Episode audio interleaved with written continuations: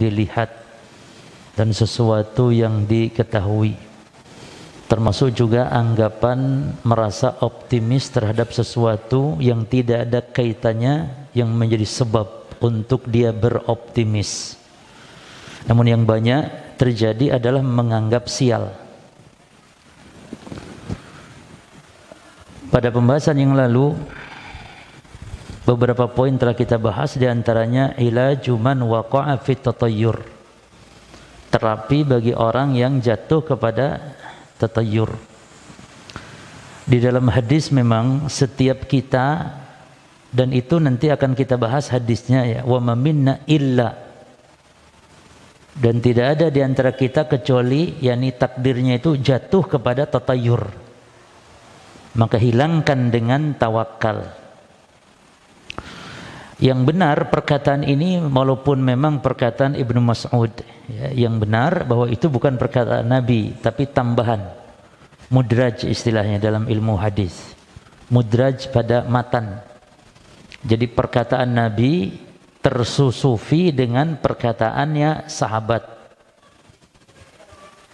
Ya seperti hadis tentang wudu ada perkataan Abu Hurairah di situ yang dianggap perkataan Nabi padahal perkataan Abu Hurairah yang masuk. Ya, tentang keutamaan untuk melebihkan membasuh anggota wudhu ya.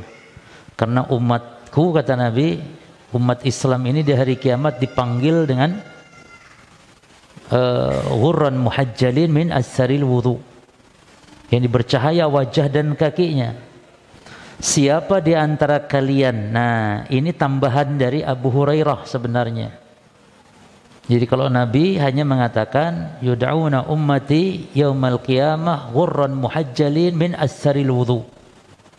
Nah, itu namanya hadis seperti itu ada tambahan termasuk dalam hadis kita ini. Wa ma minna illa dan tidak ada di antara tidak ada di antara kita kecuali yakni jatuh kepada tatayur tersebut. Wa ma minna illa. Nanti akan kita bahas hadisnya di hadis uh, Nah, hadis Ibnu Mas'ud. Ya. Hadis Ibnu Mas'ud. Ketika Nabi mengatakan at-tiyaratu syirkun at-tiyaratu syirkun wa ma minna illa walakin Allah yudhibuhu bitawakkul. Nah perkataan wa minna illa tidak ada dari kita kecuali yang jatuh kepada tatayur ini ucapan Ibnu Mas'ud. Lalu hilangkan dengan tawakal. Maka terapi pengobatan orang yang jatuh kepada tatayur ada dua terapi. Pertama terapi ucapan yaitu dengan membaca doanya. Allahumma la khaira illa khairuka wala tayra illa tayruka wala ilaha ghairuka atau dengan doa yang lainnya Allahumma la ya'ti bil hasanati ila anta wala yadfa'us sayyi'at ila anta wala hawla wala quwwata illa bik. Atau Allahumma la khaira illa khairuka wala tayra illa tayruka wala ilaha ghairuka. Ini terapi ilajun qawli. Terapi ucapan doa. Yang keduanya ilajun fi'li. Terapi perbuatan yaitu perbuatan hati hilangkan hilangkan dengan tawakal ya ini dengan bertawakal kita kepada Allah dan tidak menuruti keyakinan kita anggapan sial tersebut sehingga jangan membatalkan rencana atau jangan semangat melanjutkan rencana dengan sebab tatayur. Dan kemarin ditanyakan tatayur apakah bisa pada seseorang? Ya, ini perlu perincian ya. Menganggap sial pada seseorang itu perlu diperinci jemaah. Kalau menganggap sial kepada orang-orang soleh, para nabi, para rasul, orang-orang soleh, maka ini justru kebiasaan orang-orang jahiliyah, kebiasaan orang-orang kafir. Nanti akan kita bahas di ayatnya.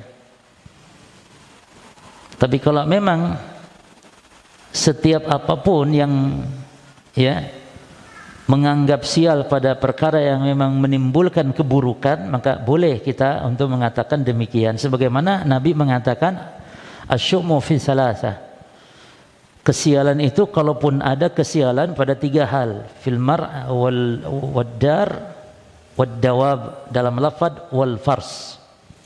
Kalau ada kesialan maka kesialan itu pada rumah perempuan kendaraan atau kuda atau kendaraan Maksudnya ikhwan, tiga hal ini yang sangat mempengaruhi pada kehidupan manusia, kehidupan kita. Karena kita berkeluarga, kita punya rumah, kita punya kendaraan. Jadi tiga hal ini yang rata-rata sangat berpengaruh kepada kehidupan kita sebagai hamba. Kalau ada kesialan, kesialan pada rumah. Apa maksudnya? Seperti rumah yang mungkin lingkungannya tidak baik Rumah yang tetangganya buruk jemaah. Rumah tetangganya jelek, akhlaknya buruk, berarti sial kita di situ. Maka caranya ya ganti, pindah rumah. Makanya antum kalau beli rumah itu lihat tetangganya. Jangan main beli rumah saja. Atau rumah yang jauh ke sana kemari, jauh ke masjid. Cuma ya repot di zaman sekarang ya. Dekat masjid kalau masjidnya tidak sunnah juga kita berisik jemaah. Tidak betah kita. Bisa jadi sial juga itu. Ya, tetangga kerjaannya tiap hari dangdutan saja. Nauzubillah. Nyetelnya banter-banter, volume keras. Jangan kan dangdut, nyetel murotal saja keras-keras, ganggu tetangga, haram. Nah, berarti kita rumah seperti itu sial itu. Membawa keburukan. Istri, bagaimana? Istri yang sol, yang tidak solehah. Istri yang jahat, istri yang tidak ada kerjasama dalam kebaikan. Istri yang subhanallah sudah mandul nggak punya anak akhlaknya buruk sholat nggak pernah itu istri sial begitu tuh. Caranya ya ganti. Ya kan? Terhindar dari kesalahan itu diganti cuma. Istri yang jelek akhlak buruk merugikan agama dunia kita. Makanya antum wajib bersyukur ketika mendapatkan istri itu ikhwan ketika istri kita manut kita bawa kepada pemahaman yang hak ini istri kita ikut manut mengikuti manhaj yang hak manhaj ahli sunnah wal jamaah itu yang paling pertama antum harus syukuri perhatikan. Walaupun mungkin kurang kecantikannya kurang dalam hal ada keunaan tapi dia istri yang ahli sunnah istri yang salehah apalagi taat kemudian taat beribadahnya sudah pegang. Walaupun banyak kekurangan di sisi lain misalnya. Syukuri Jangan lihat ke istri kita sudah taat ikut kita, pemahaman kita. Berapa banyak orang yang sudah paham suaminya, istrinya tidak paham. Tetap pada kebid'ahan, kesyirikan, naudzubillah, maksiat. Maka benar kata Nabi bahwa seindah-indah uh, perhiasan dunia itu adalah istri yang salihah. Sengsara ikhwan punya istri tidak salihah. Termasuk juga kendaraan. Jadi kesialan ada pada kendaraan kendaraan rusak-rusak terus ngabiskan uang ya. Lebih mahal ke bengkelnya daripada belinya. Ah, sudah buang ganti. Nggak bisa ya. Sabar dulu. Bisa ganti alhamdulillah. Nggak bisa sabar dulu. Tapi itu sial begitu tuh.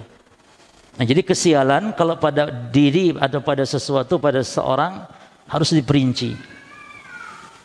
Ya. Taib kita baca sekarang beberapa dalil-dalil yang dibawakan oleh muallif di dalam bab ini.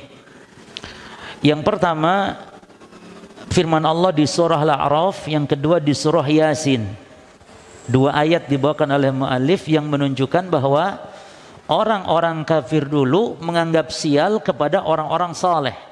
Kaum Nabi Musa ketika ada kenikmatan dan yang semisalnya maka mereka mengatakan ini adalah hasil usaha kami tapi ketika ada kerusakan, kesialan, ada kesengsaraan dan semisal disandarkan kepada Nabi Musa. Ya, Nabi Musa yang membawa sial. Nah, ini termasuk juga dalam surah Yasin ayat 19. Taib. Wa qaulullah ta'ala dan firman Allah ta'ala ala ala ini kalimat tanbih yang menunjukkan ketahuilah Innama ta'iruhum indallahi walakin aksaruhum la ya'lamun. Walakin aksaruhum la ya'lamun. Ketahuilah sesungguhnya kesialan yakni hanyalah di sisi Allah maksudnya Allah yang menciptakan kesialan. Yani bukan karena Nabi Musa, bukan dan sial karena apa? Karena sebab dosa dan maksiat. Lihat di surah Yasin ini nanti. Yani mereka dengan sebab kekufuran mereka kepada Nabi yang diutus sehingga menimbulkan kesialan, kerusakan, kebinasaan, keterpurukan mereka disandarkan kepada apa? Nabi itu katanya gara-garanya. Nah, kita pun nggak boleh jemaah. Kalau kita misalnya dulu sebelum kita mengenal sunnah, dulu sebelum mengenal sunnah, hidupnya enak, senang, misalnya rezekinya, masya Allah, bisnis lancar, giliran ngaji paham sunnah, loh Pas ngaji sunnah kok malah ngene, usaha yo. Karena banyak larangan. Kalau dulu kan riba bebas, sekarang sudah paham sunnah nggak boleh lagi. Akhirnya usahanya berkurang, berkurang, bangkrut akhirnya. Lalu menyalahkan, gara-gara ngaji sunnah saya bangkrut katanya. Nah ini sama dengan kebiasaan orang-orang kafir dulu. Menisbatkan kesialan kepada orang-orang yang soleh. Atau kepada hal yang sifatnya kebaikan tidak boleh dijadikan alasan kesialan. Maka dirinci. Kalau memang dan boleh bukan hanya tiga tadi sama ya. Namun tiga itu yang banyak mempengaruhi dalam kehidupan. Rumah, istri, kendaraan. Makanya kalau istrinya soleh, rumahnya enak, nyaman, kendaraan juga nyaman, maka itu nikmat. Eh, itu nikmat di antara kenikmatan. Maka itu yang diminta juga dalam doa, boleh. Ya, Taib. Walakin aksarahum la ya'lamun. Namun kebanyakan mereka tidak mengetahui. Ini ayat ini berkaitan tentang umat ya Nabi Musa atau kaumnya Firaun. Di mana mereka menisbatkan kesialan, kerusakan, keterpurukan, ya, musibah, bala, bencana kepada Nabi Musa. Gara-gara Musa ini kami terkena kesulitan, paceklik, kekeringan dan semisal. Termasuk yang kedua surah Yasin wa qauluhu qaqul wa qalu ta'irukum ma'akum.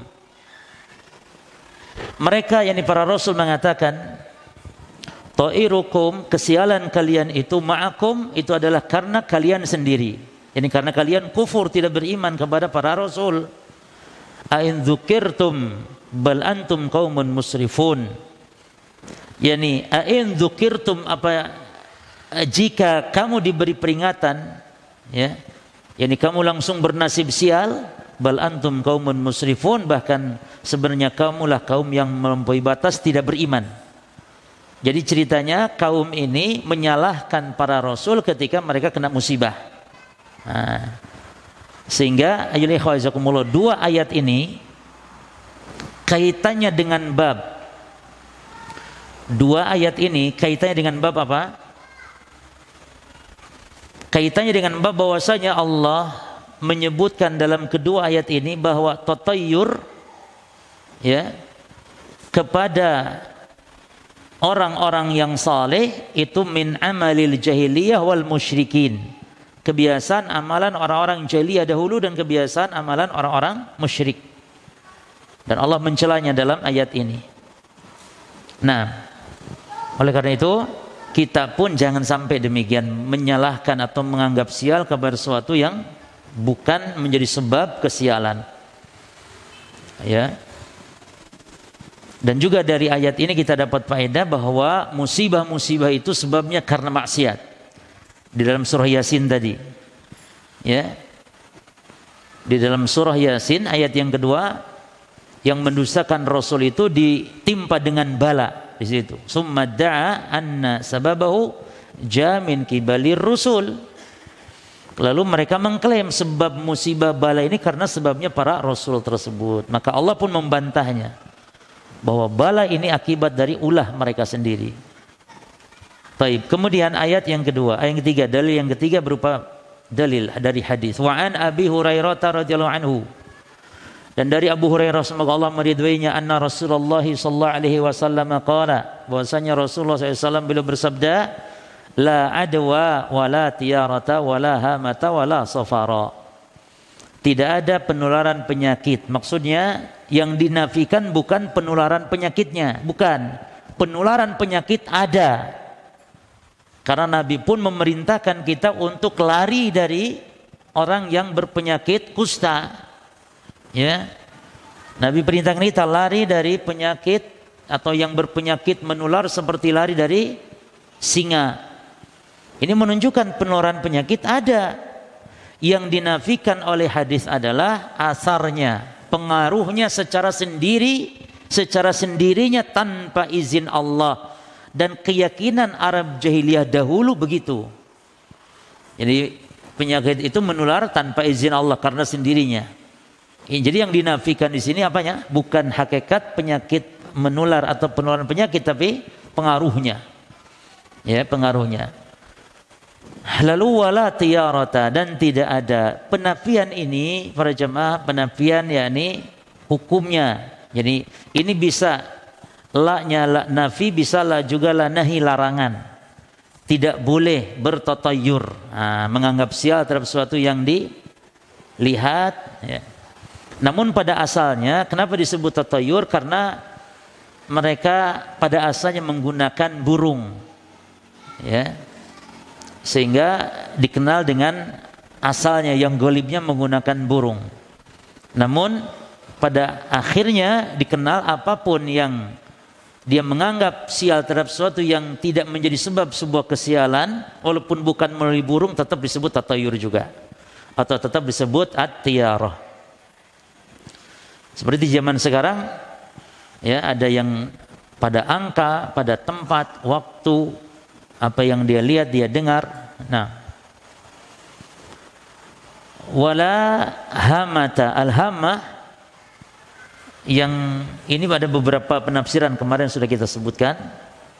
Ada hamah bisa bermakna burung ya. Hantu ya atau hama juga bisa bermakna yakni uh, apa namanya burung hantu ya yang menganggap bisa menyebabkan seorang tersesat dengan burung hantu tersebut sesat jalan dan semisal. Ini anggapan-anggapan jahiliyah dahulu. Terus wala safar, safar juga bisa bermakna penyakit ya yang menimpa pada manusia yang uh, menimpa pada hewan juga, manusia dan hewan, penyakit yang ada di perut atau safar maknanya bulan safar yang menganggap sial. Jadi kalau bulan safar, bulan sial sehingga di bulan safar mereka tidak melakukan aktivitas karena takut gagal takut nggak berhasil, takut sengsara, tidak menikahkan di bulan Safar. Nah. Lalu dalam hadis lagi wa zada muslim wala nau'a wala gula wala nau'a nau'a ini nanti ada bab khusus ini bab tentang perbintangan ya bab tentang perbintangan yani men, me, apa namanya menganggap atau mencari petunjuk dari bintang-bintang untuk penetapan dan nanti ada perinciannya para jemaah. Bahkan bab setelah ini nanti bab langsung ada bab bab tanjim, bab tentang ilmu nujum.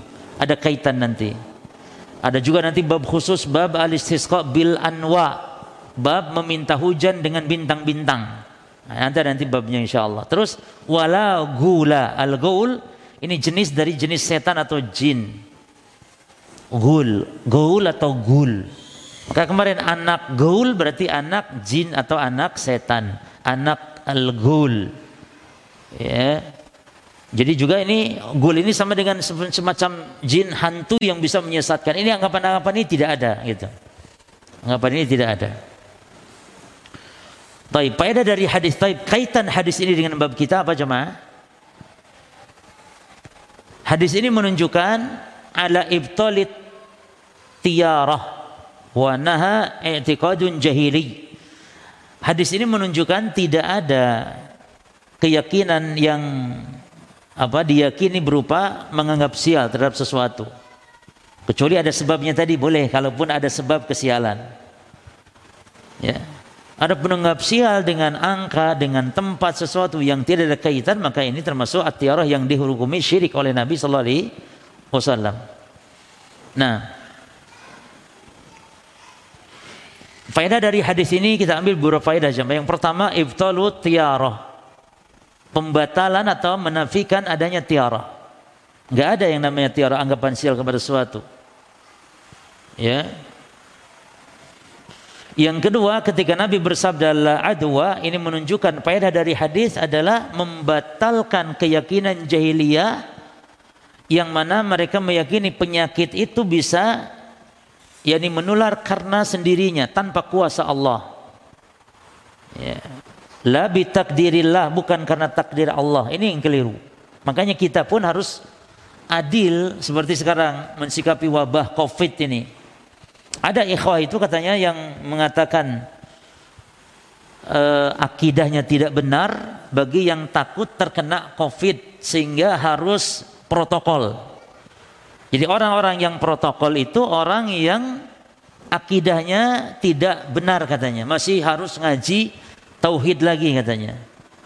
Berdalil dengan hadis ini la adwa tidak ada penularan penyakit, jangan takut dengan Covid.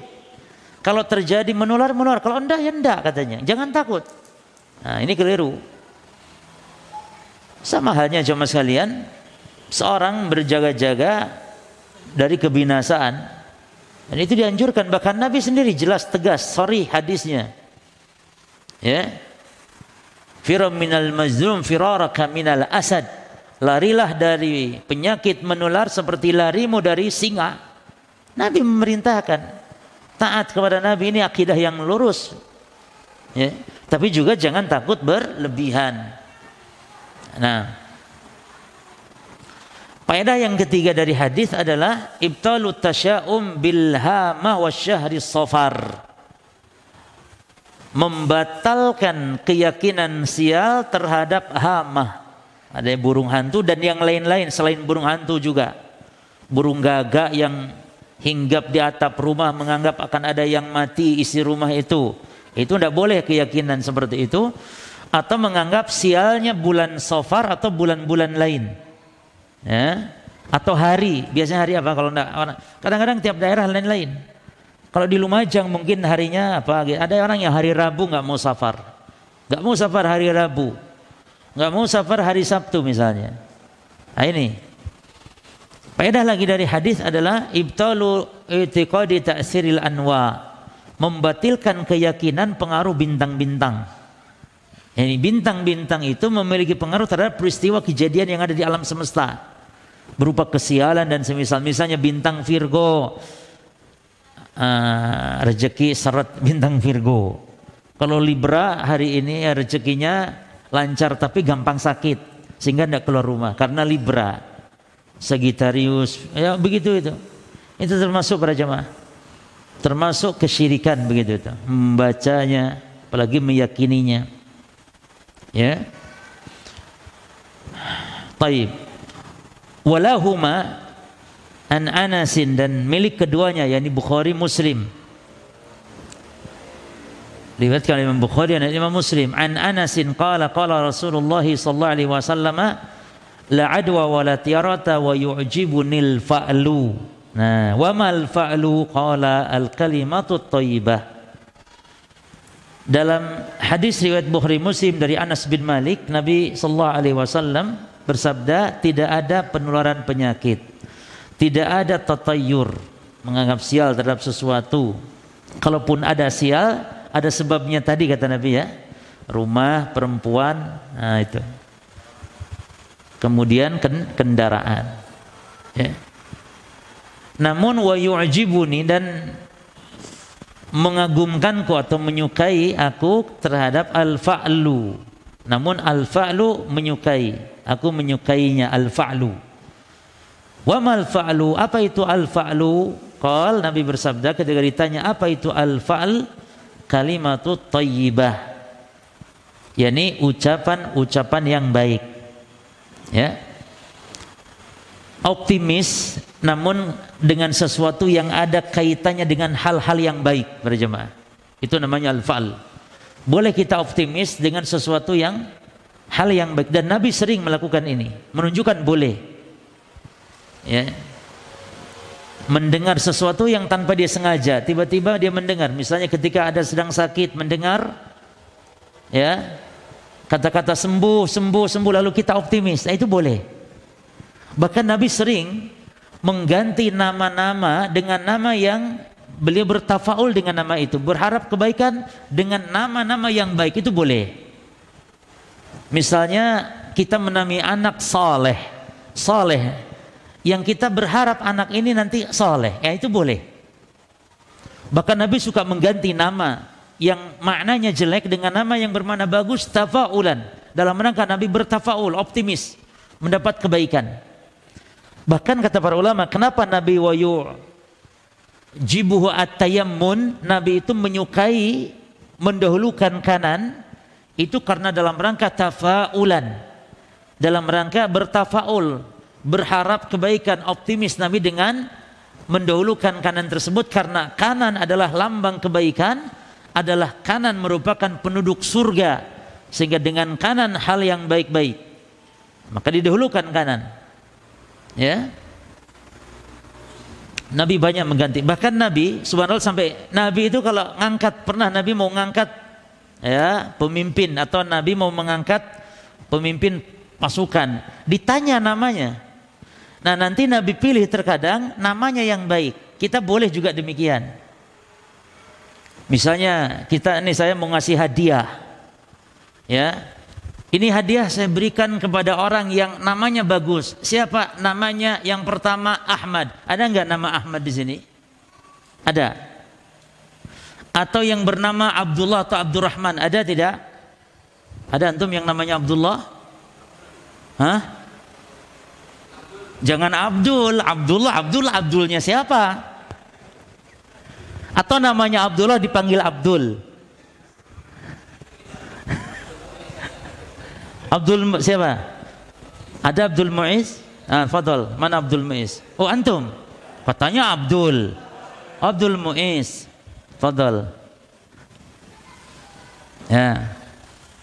Karena apa dikasih hadiah kepada yang namanya Abdul Muiz atau Abdul yang lain karena itu nama yang baik. Ya. Siapa yang namanya Joko? Enggak, enggak dapat.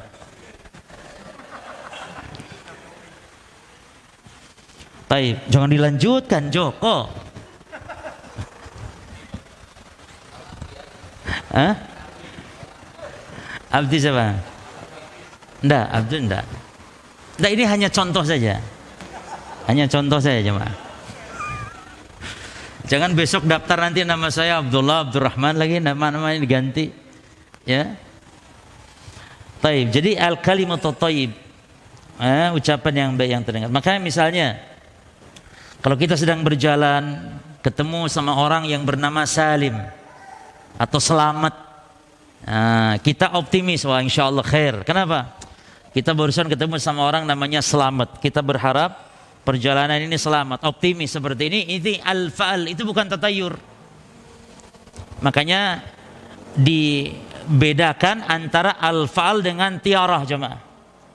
Kalau kupu-kupu masuk rumah, kedut-kedut apa biasanya dapat duit kedut-kedut apa ini ininya. Hah?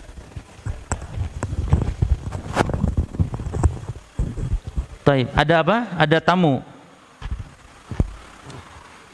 Atau kedut yang mana dapat duit. Nah, bedakan itu tatayur namanya. Bukan al-fa'al. Maka apa bedanya antara al-fa'al dengan at-tatayur atau dengan tiara? Maka bedanya kalau al-fa'lu yakunu fima yusirru.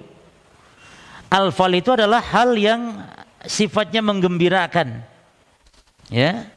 Adapun al-fa'il itu lebih cenderung pada uh, merasa pesimis atau merasa anggapan sial. Kalau al-fa'lu al-fa'lu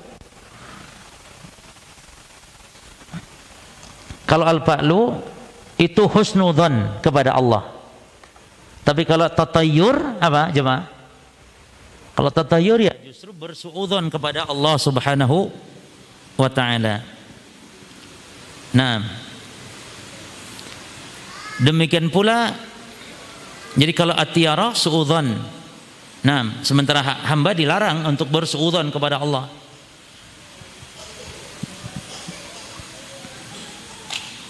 Kata Nabi SAW, "Wala tamutunna ila wa antum yuhsinu dhann billah." Janganlah engkau mati ya. Janganlah engkau mati, jangan pernah sekali-kali engkau mati meninggal dunia kecuali engkau dalam keadaan berbaik sangka kepada Allah. Karena Allah itu akan memberikan kepada kita tergantung persangkaan kita. Ana ma'adhani abdi bi Aku kata Allah bersama persangkaan hambaku kepada aku. In kana khairan fa khairun wa in kana syarran fa syarr. Kalau baik ya aku akan berbuat baik. Kalau persangkaan hambaku buruk maka aku pun akan berbuat buruk kata Allah. Senantiasa ikhwan, apa pun yang terjadi musibah, bala, bencana senantiasa berbaik sangka kita kepada Allah Subhanahu wa taala. Ya. Kemudian kaitan hadis ini dengan bab kita jelas ya bahwa di dalam hadis Nabi menjelaskan al-fa'al dan al-fa'al bukan tatayur atau tiarah yang dilarang bukan. Ya. Maka namai kenapa kita nggak menamai anak kita nama perusahaan kita yang baik-baik berharap kebaikan? Namakan anak kita para nabi agar soleh mulia seperti mereka mendapatkan muliaan Ya. Kata para ulama, fatashabbahu in kana lam in kanu lam yakun mislahum. Bertasyabuhlah dengan mereka walaupun enggak bisa persis seperti mereka. Ya, tapi minimal kita bertasyabuh dengan mereka itu merupakan fa inna tasyabuha bil kirami falahu. Karena bertasyabuh dengan orang-orang saleh itu adalah ke kemuliaan. Namakan anak kita nama para nabi, para rasul, nama para sahabat, nama para istri-istri rasul. Ya, namakan dengan makna-makna yang baik. Nah, sebagai bentuk tafaul kita. Taib. Faedah dari hadis para jemaah. Annal fa'la laysa min at-tiyarah al-manhi anha. Bahwa yang namanya al-fa'al bukanlah masuk at-tiarah, bukan. Yani menganggap, yani beroptimis terhadap sesuatu yang kita dengar berupa kalimat-kalimat yang bagus. Jadi kalau uh, tatayur itu ada kaitannya, kalau al-fa'al ada kaitannya. Mendengar kata-kata yang indah, yang bagus, kita beroptimis. Ada kaitan. Bertatayur, uh, bertafaul dengan nama yang bagus bertafaul dengan uh, apa lagi suasana yang bagus boleh seperti insya Allah bisnis hari ini lancar. Kenapa? Ini udara cerah. Ini insya Allah nah, itu namanya tafaul. Tapi kalau kupu-kupu masuk rumah ada tamu kedut-kedut tangan kanan dapat duit tangan kiri dapat yang nagih utang misalnya. Itu nggak ada kaitan. Itu tatayur namanya. Ya. Lalu dari hadis ini dijelaskan apa itu al-fa'al. Dan dia kalimat thayyibah dalam hadis ini.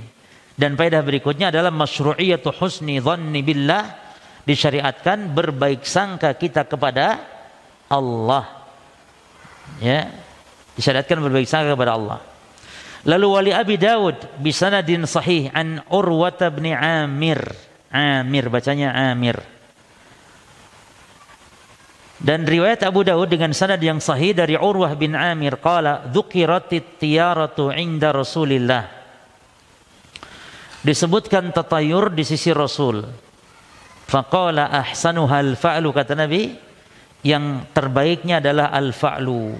Lalu Nabi mengatakan wala taruddu musliman dan tidak boleh ya tatayur itu me apa namanya menolak atau membuat tidak jadinya aktivitasnya seorang muslim tidak boleh menolak atau menggagalkan ya seorang muslim dari rencana atau niatnya gitu maksudnya. Jadi yang paling baiknya adalah al-fa'al. Lalu wala taruddu musliman fa idza ra'a ahadukum ma yakrahu. Apabila salah seorang kalian melihat sesuatu yang dia tidak suka falyakul yani tidak suka itu maksudnya ada perasaan tatayur. Itu. Maka hendaknya membaca Allahumma la yati bil hasanati illa anta wa la yadfa'u sayyiati illa anta wala haula wala quwata illa bik. Ini yang pertama doanya. Boleh disambung dengan doa yang berikut ya. Dengan doa yang nanti ada juga yaitu Allahumma la, la khaira ila khairuka wa la tayra ila tayrika wa la ilaha ghairuka. Ya. Jadi hadis ini menjelaskan doa ketika kita jatuh atau merasa ada perasaan tatayur, perasaan tiarah tadi, menganggap sial. Seperti antum mungkin beli rumah, waduh eman sayang rumah nomornya berapa? 13. Nah, kata orang-orang, kata orang-orang sial. Tapi kita baca doanya, tawakal bahwa tidak ada kesialan kecuali hanya Allah yang memberikan kesialan. Tidak ada bukan angka, tidak pula menjadi sebab kesialan. Bismillah. Ya. Maka insya Allah Allah akan menghilangkan keburukan-keburukan karena kita baca doanya. Ini terapinya para jemaah. Satu lagi hadisnya walahu min hadis Ibnu Mas'udin marfu'an. Dan juga walahu miliknya milik Abu Dawud hadis Ibnu Mas'ud secara marfu' Atiyaratu syirkun atiyaratu syirkun salasan. Diucapkan tiga kali oleh Nabi atiyarah syirik. Yani tiara adalah kesyirikan. Apa hukum syirik di sini asalnya? Syirik kecil. Wa maminna illa dan tidak ada di antara kita kecuali. Ini ada kata yang dibuang. Wa maminna dan tidak ada di antara kita illa kecuali. Apa kecualinya? Ay waqa'a fi at-tatayyur. Jatuh kepada tiarah maksudnya. Walakin Allah yudhibuhu tawakkul namun Allah menghilangkan dengan tawakal. Nah, ini terapi kedua, terapi perbuatan amalan hati itu tawakal kepada Allah. Nah, wa ju'ila akhiruhu min qaul Ibnu Mas'udin. Ya. Dan uh, Imam At-Tirmidzi menganggapnya menjadikannya akhir akhir yang diucapkan yakni pada lafaz wa ma minna illa walakin Allah yudhibu bitawakkul ucapan wa minna illa ini ucapan Abdullah bin Mas'ud dan ini benar jemaah karena tidak mungkin Nabi mengucapkan ini karena tidak mungkin di antara kita kecuali jatuh pada tatayur berarti tatayur kesyirikan dan Nabi tidak mungkin jatuh kepada kesyirikan tidak mungkin Nabi jatuh bersyirikan karena Nabi terpelihara dari kesyirikan. Maka sangat benar kalau ini adalah ucapan-ucapan yang muncul dari sahabat. Ya. Baik, kita ambil faedah dari hadis ini bahwa kaitan hadis ini dengan bab adalah di sini terapinya. Pengobatan bagi orang yang terkena atau jatuh kepada perasaan atau tatayur tersebut. Ya. Nah, syiriknya syirik apa pada asalnya tadi? Syirik kecil. Namun bisa berubah menjadi syirik besar. Tergantung nanti keyakinannya. Kalau meyakini sebab tadi, ya angka 13 contohnya yang mendatangkan mudarat, menolak bala, eh, yang mendatangkan bala misalnya bukan Allah, maka tentu menjadi syirik yang besar. Nah, maksudnya, baik. Fadal adzan dulu habis adzan kita salat habis salat kita lanjut. Ada sedikit kita baca hadis lalu dengan soal jawab ditutup insyaallah. Subhanakallahumma bihamdika asyhadu an la ilaha illa anta astaghfiruka wa atubu ilaik. Assalamualaikum warahmatullahi wabarakatuh.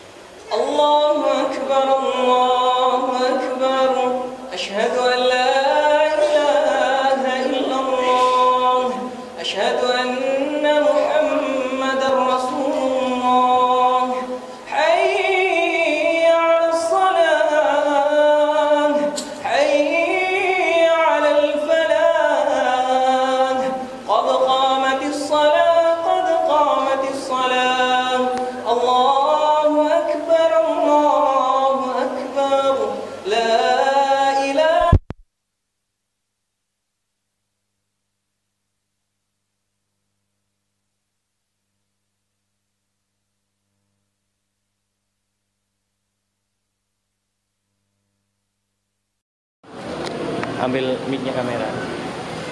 Ambil kamu.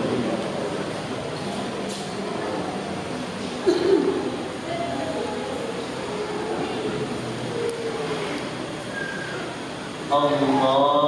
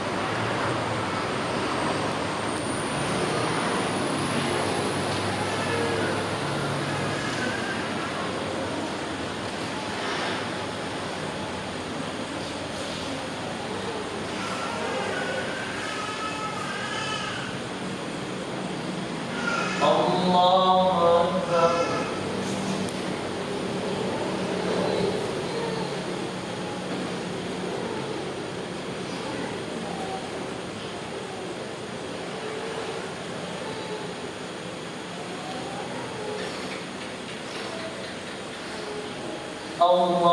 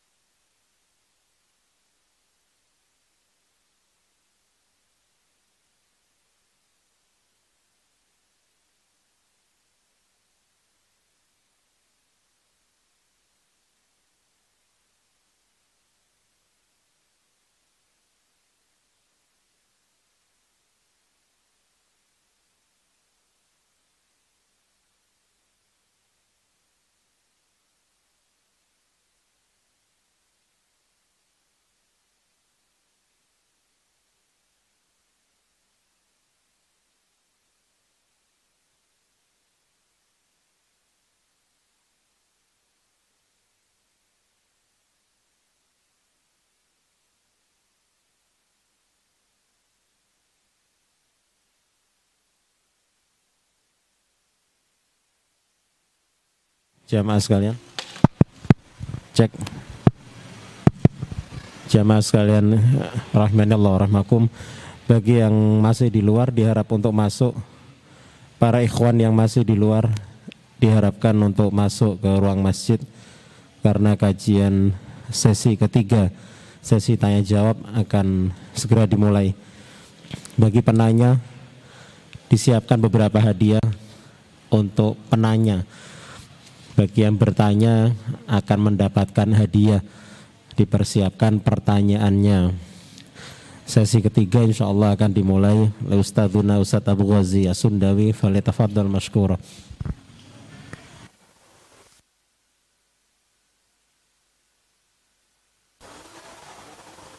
Terus Bismillah, Alhamdulillah Wassalatu wassalamu ala rasulillah wa ala alihi wa ashabihi wa man walah amma ba'd. Tapi sebelum menerima pertanyaan yang masuk kita yang bertanya terlebih dahulu ada hadiah. Yang pertama pertanyaannya sebutkan dua syarat atau dua sifat sesuatu disebut syirik kecil. Sebutkan dua sifat. Nah fadl Mas Mukayaki namanya? Ha? Naufal, fadol.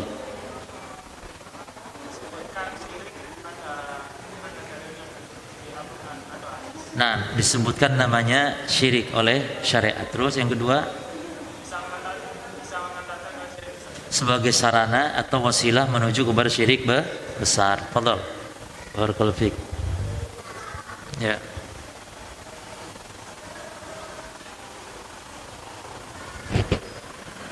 Sebutkan terapi dua terapi. Orang yang terjatuh pada tatayur atau pada tiara dua terapinya. Ashabul uh, kiri semua. Fadal. Siapa namanya? Ya mas buka. Hah? Akbar. Akbar Fadal. Baik, doanya apa?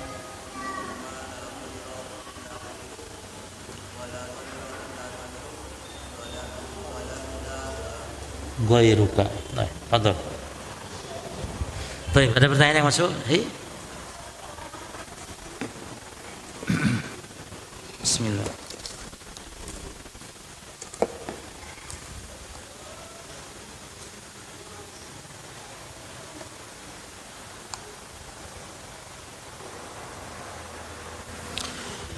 Baik, barakallahu fikum. Uh, afwan bolehkah wanita sedang haid berdiam apa berdiam di masjid dalam rangka menuntut ilmu. Tapi masalah wanita yang haid ini terkait boleh hendaknya masuk masjid baik untuk menuntut ilmu atau ada keperluan yang lain diperselisihkan oleh para ulama. Al-Imam Ibn Rushd di dalam kitab Bidayatul Mujtahid beliau mengatakan ikhtilaf ulama fi dukhuli al-masjid lil junub. Ada khilaf ulama tentang orang yang junub masuk masjid dan orang yang junub yadkhul fihi al-haid. Ya jadi yang pembahasan orang yang junub ya masuk ke dalamnya tentu pembahasan wanita yang sedang haid. Jadi ada beberapa khilaf ulama ala satu aqwal minimal ada tiga pendapat. Ada pendapat yang pertama melarang secara mutlak apa pun alasannya. Ini madhab Maliki. Yang kedua, kaumun mana'u dzalika illa li'abirin fihi la muqima. Yang kedua, pendapat yakni pendapat Syafi'iyah wanita yang haid hanya boleh ke masjid untuk sekedar lewat saja. Dalilnya adalah Aisyah ketika disuruh Nabi untuk ngambil sajadah. Kata Aisyah, ya Rasul saya sedang haid. Kata Nabi, haidmu kan bukan di tanganmu, kata Nabi. Ya sudah ambil. Diambilnya oleh Aisyah. Ngambil sajadah tok. Nah, inilah kesimpulan Imam Syafi'i. Nah, jadi bolehnya hanya lewat saja. Adapun tinggal seperti menuntut ilmu, berdiam lama di masjid tidak boleh. Pendapat yang ketiga ini madhab uh, al-zahiri di antaranya dan pendapat yang lain yang membolehkan apa namanya secara mutlak wanita karena tidak adanya dalil atau dasar dalam masalah ini. Ya. Kalau Imam Ahmad mengatakan boleh wanita haid ke masjid asal wudhu dulu katanya. Termasuk orang yang junub. Wadaba Imam Ahmad ila nahu mata tawadha al-junub jaza lahu al-muqthu fi al-masjid. Jadi boleh kalau menurut Imam Ahmad asal wudhu terlebih dahulu. Jadi intinya ada beberapa pendapatnya. Namun para jamaah sekalian, yang menjadi khilaf para ulama adalah dasarnya surah An-Nisa ayat 43 Allah berfirman tentang larangan orang junub untuk mendekati solat. Maksudnya ya dipahami di sini? Ya di masjid maksudnya. Ya ayyuhalladzina amanu la taqrabu shalah wa antum sukara hatta ta'lamu ma taqulun. Lalu kata Allah wala junuban ila abir ila abir sabil hatta tagtasilu. Wahai orang-orang beriman janganlah mendekati salat sementara kalian sedang mabuk sehingga kalian tahu apa yang dibaca. Ini ayat berkaitan tentang masih apa namanya orang yang mabuk tuh masih boleh dulu membaca uh, salat namun akhirnya dilarang secara mutlak. Nah dalam ayat ini yang menjadi bahasan kita adalah Allah berfirman wala junuban dan tidak boleh orang yang junub juga gitu ya illa abiri sabil kecuali sekedar lewat saja. Berarti inilah kesimpulan al-Imam Syafi'i juga berdasarkan hadis Aisyah kalau sekedar masuk masjid ya boleh katanya. Tapi kalau untuk tinggal maka ini tidak diperbolehkan. Ada hadis hadisnya dhaif jemaah. Didoibkan oleh Syekh Albani yaitu memang tegas melarang wanita haid ke masjid tapi hadisnya kan dhaif. Ya, hadis dari Jasrah binti Dajajah dari Aisyah radhiyallahu anha di mana Nabi SAW bersabda wajihu hadhil buyut anil masjid. Kata Nabi jauhkan rumah-rumah ini dari masjid. Fa inni la uhillul masjid li haid wala junub karena aku tidak jadi jangan buat rumah-rumah di masjid. Jauhkan jauhkan. Karena masjid aku tidak halalkan bagi wanita haid dan orang junub. Ini hadis bertentangan juga dengan hadis yang sahih jemaah. Karena ashabul sufa itu kan di masjid ya. Nabi juga memerin, apa namanya ketika ada beberapa sahabat yang sedang dirawat luka dari peperangan juga di masjid dan tentu junub juga tidak menutup kemungkinan orang junub di masjid, mimpi kah atau bagaimana mesti. Maka hadis ini selain dari sisi periwayatan jalurnya dhaif jadi tidak bisa di diamalkan, dijadikan sebagai hujah. Ya. Dan pendapat yang kuat dalam masalah ini wallahu alam para jemaah sekalian ya pertama tadi ada hadis Aisyah ya Hadis Aisyah itu sahih hadis Muslim yang Aisyah dilurah oleh Nabi untuk disuruh Nabi apa? Ngambil apa? Ngambil khumrah. Khumrah itu kata para ulama ya sebagian mengatakan ya kain untuk yakni Nabi sujud salat jadi sajadah. Kata Nabi kepada Aisyah naw nawilinil khumrata minal masjid. Aisyah ambilkan khumrah di masjid. Kata Aisyah ya Rasul, ini haid saya sedang haid ya Rasul. Kata Nabi inna haid haidataki laysat fi yadiki. Ya haidmu kan bukan di tanganmu. Itu. Maka dari hadis ini timbullah persen para ulama dengan ayat Al-Qur'an tadi. Ya. Namun sebagaimana kata Imam Ibn Rushdi ini masalah khilafiyah. Artinya kita harus berlapang dada para jamaah. Sementara kita berpendapat ya pendapat yang kuat adalah pendapat tentang masalah ya bolehnya wanita haid di masjid untuk menuntut ilmu ya selama tentu dia tidak boleh sholat ya uh, dan juga hadis-hadis yang melarang semuanya dhaif Ada lagi hadis Ali bin Abi Thalib dari sahabat Abu Sa'id Al-Hudri di mana Nabi bersabda kepada Ali katanya, "Ya Ali, la yahilu li ahad uh, yujnibu fi hadzal masjid." Ya. Ghairi wa ghairika. Wahai Ali, masjid ini tidak halal bagi siapa pun bagi yang junub selain aku dan kamu saja. Ini juga jelas kelemahannya.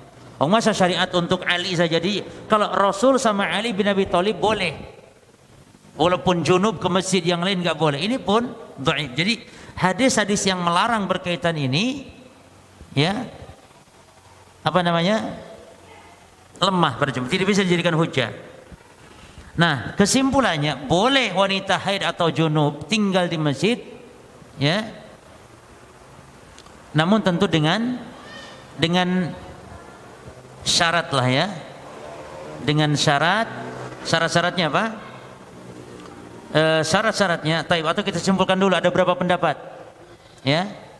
Pendapatnya mengatakan boleh mutlak pendapat melarang mutlak pendapat tiga boleh syarat berwudu namun kita simpulkan pendapat yang kuat Allah taala alam yang mengatakan boleh wanita haid ya atau nifas dan orang junub bertinggal diam di masjid dengan sebab atau dasarnya satu. Antum catat yang penting dasarnya yang membolehkan. Satu hukum asalnya orang itu boleh tinggal di masjid kan begitu? Sehingga ada dalil yang apa cuma dalil yang melarang betul tidak? Hukum asalnya boleh tinggal di masjid siapa pun dia. Terma, eh, kecuali ada yang yang melarang. Dalam hal ini tidak ada dalil yang sorry yang melarang. Adapun yang melarang tadi hadis yang dhaif semuanya. Lalu bagaimana dengan surat An-Nisa tadi? Wahai orang-orang yang beriman, jangan mendekat salat sementara mabuk dan junub kecuali lewat saja sampai dia mandi. Maksud ayat ini jemaah, jangan salat kalau sedang mabuk ya dan jangan salat bagi orang yang junub, bukan masalah di masjid tinggal bukan. Kan ayat bunyinya apa? La taqrabus shalah La taqrabu sholat. Jangan mendekat sholat. Apa maksudnya? Jangan sholat. Bukan jangan tinggal di masjid. Ya. Jadi jangan dekat tempat sholat. Sebagian ulama mengatakan ini katanya masjid maksudnya. Ini letak khilafiyahnya ulama. Kalaupun mau diartikan masjid, ya diartikan masjid bukan sholat. Padahal ayat bisa diartikan apa? Sholat bisa. Jadi ulama memahami ayat ini dua pendapat. Ada yang berpendapat mengatakan jangan sholat maksudnya. Jadi orang yang sedang mabuk jangan sholat. Orang yang sedang junub jangan sholat. Ada yang mengatakan bukan itu maksud la taqrabu sholat yakni jangan uh, masuk masjid. Jangan dekat tempat sholat maksudnya. yakni mas, masjid. Inilah letak khilafiyah para ulama dalam memahami dilarang mendekati sholat. Dan yang menguatkan tafsiran ini adalah asbabun nuzul ayat para jemaah. Jadi Ali bin Abi Thalib mengatakan ayat ini turun tentang musafir. Ini orang yang junub maka tidak boleh mendekat salat, ini tidak boleh salat sehingga mandi.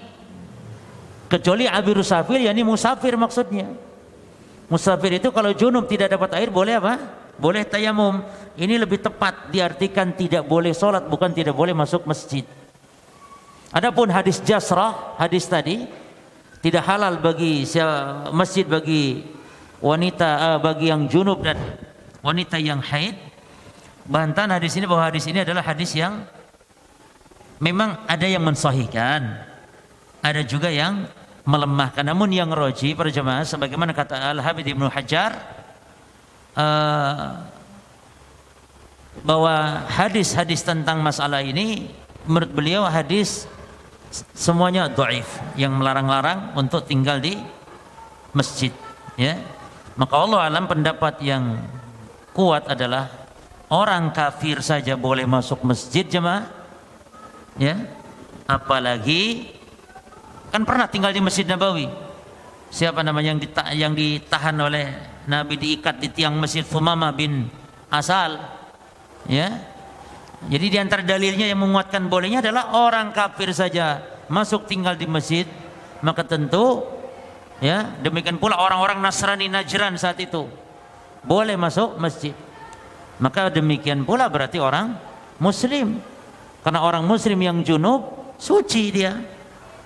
Dalam arti badannya suci, orang kafir saja ya boleh. Kemudian juga Nabi sallallahu alaihi wasallam pernah masuk masjid pakai unta.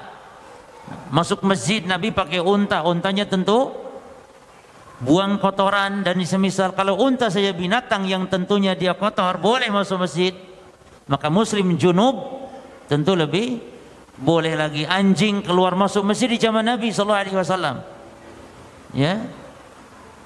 Maka kalau wanita haid ke masjid tentu larang mutlak memang berdasarkan ayat tadi. Ya.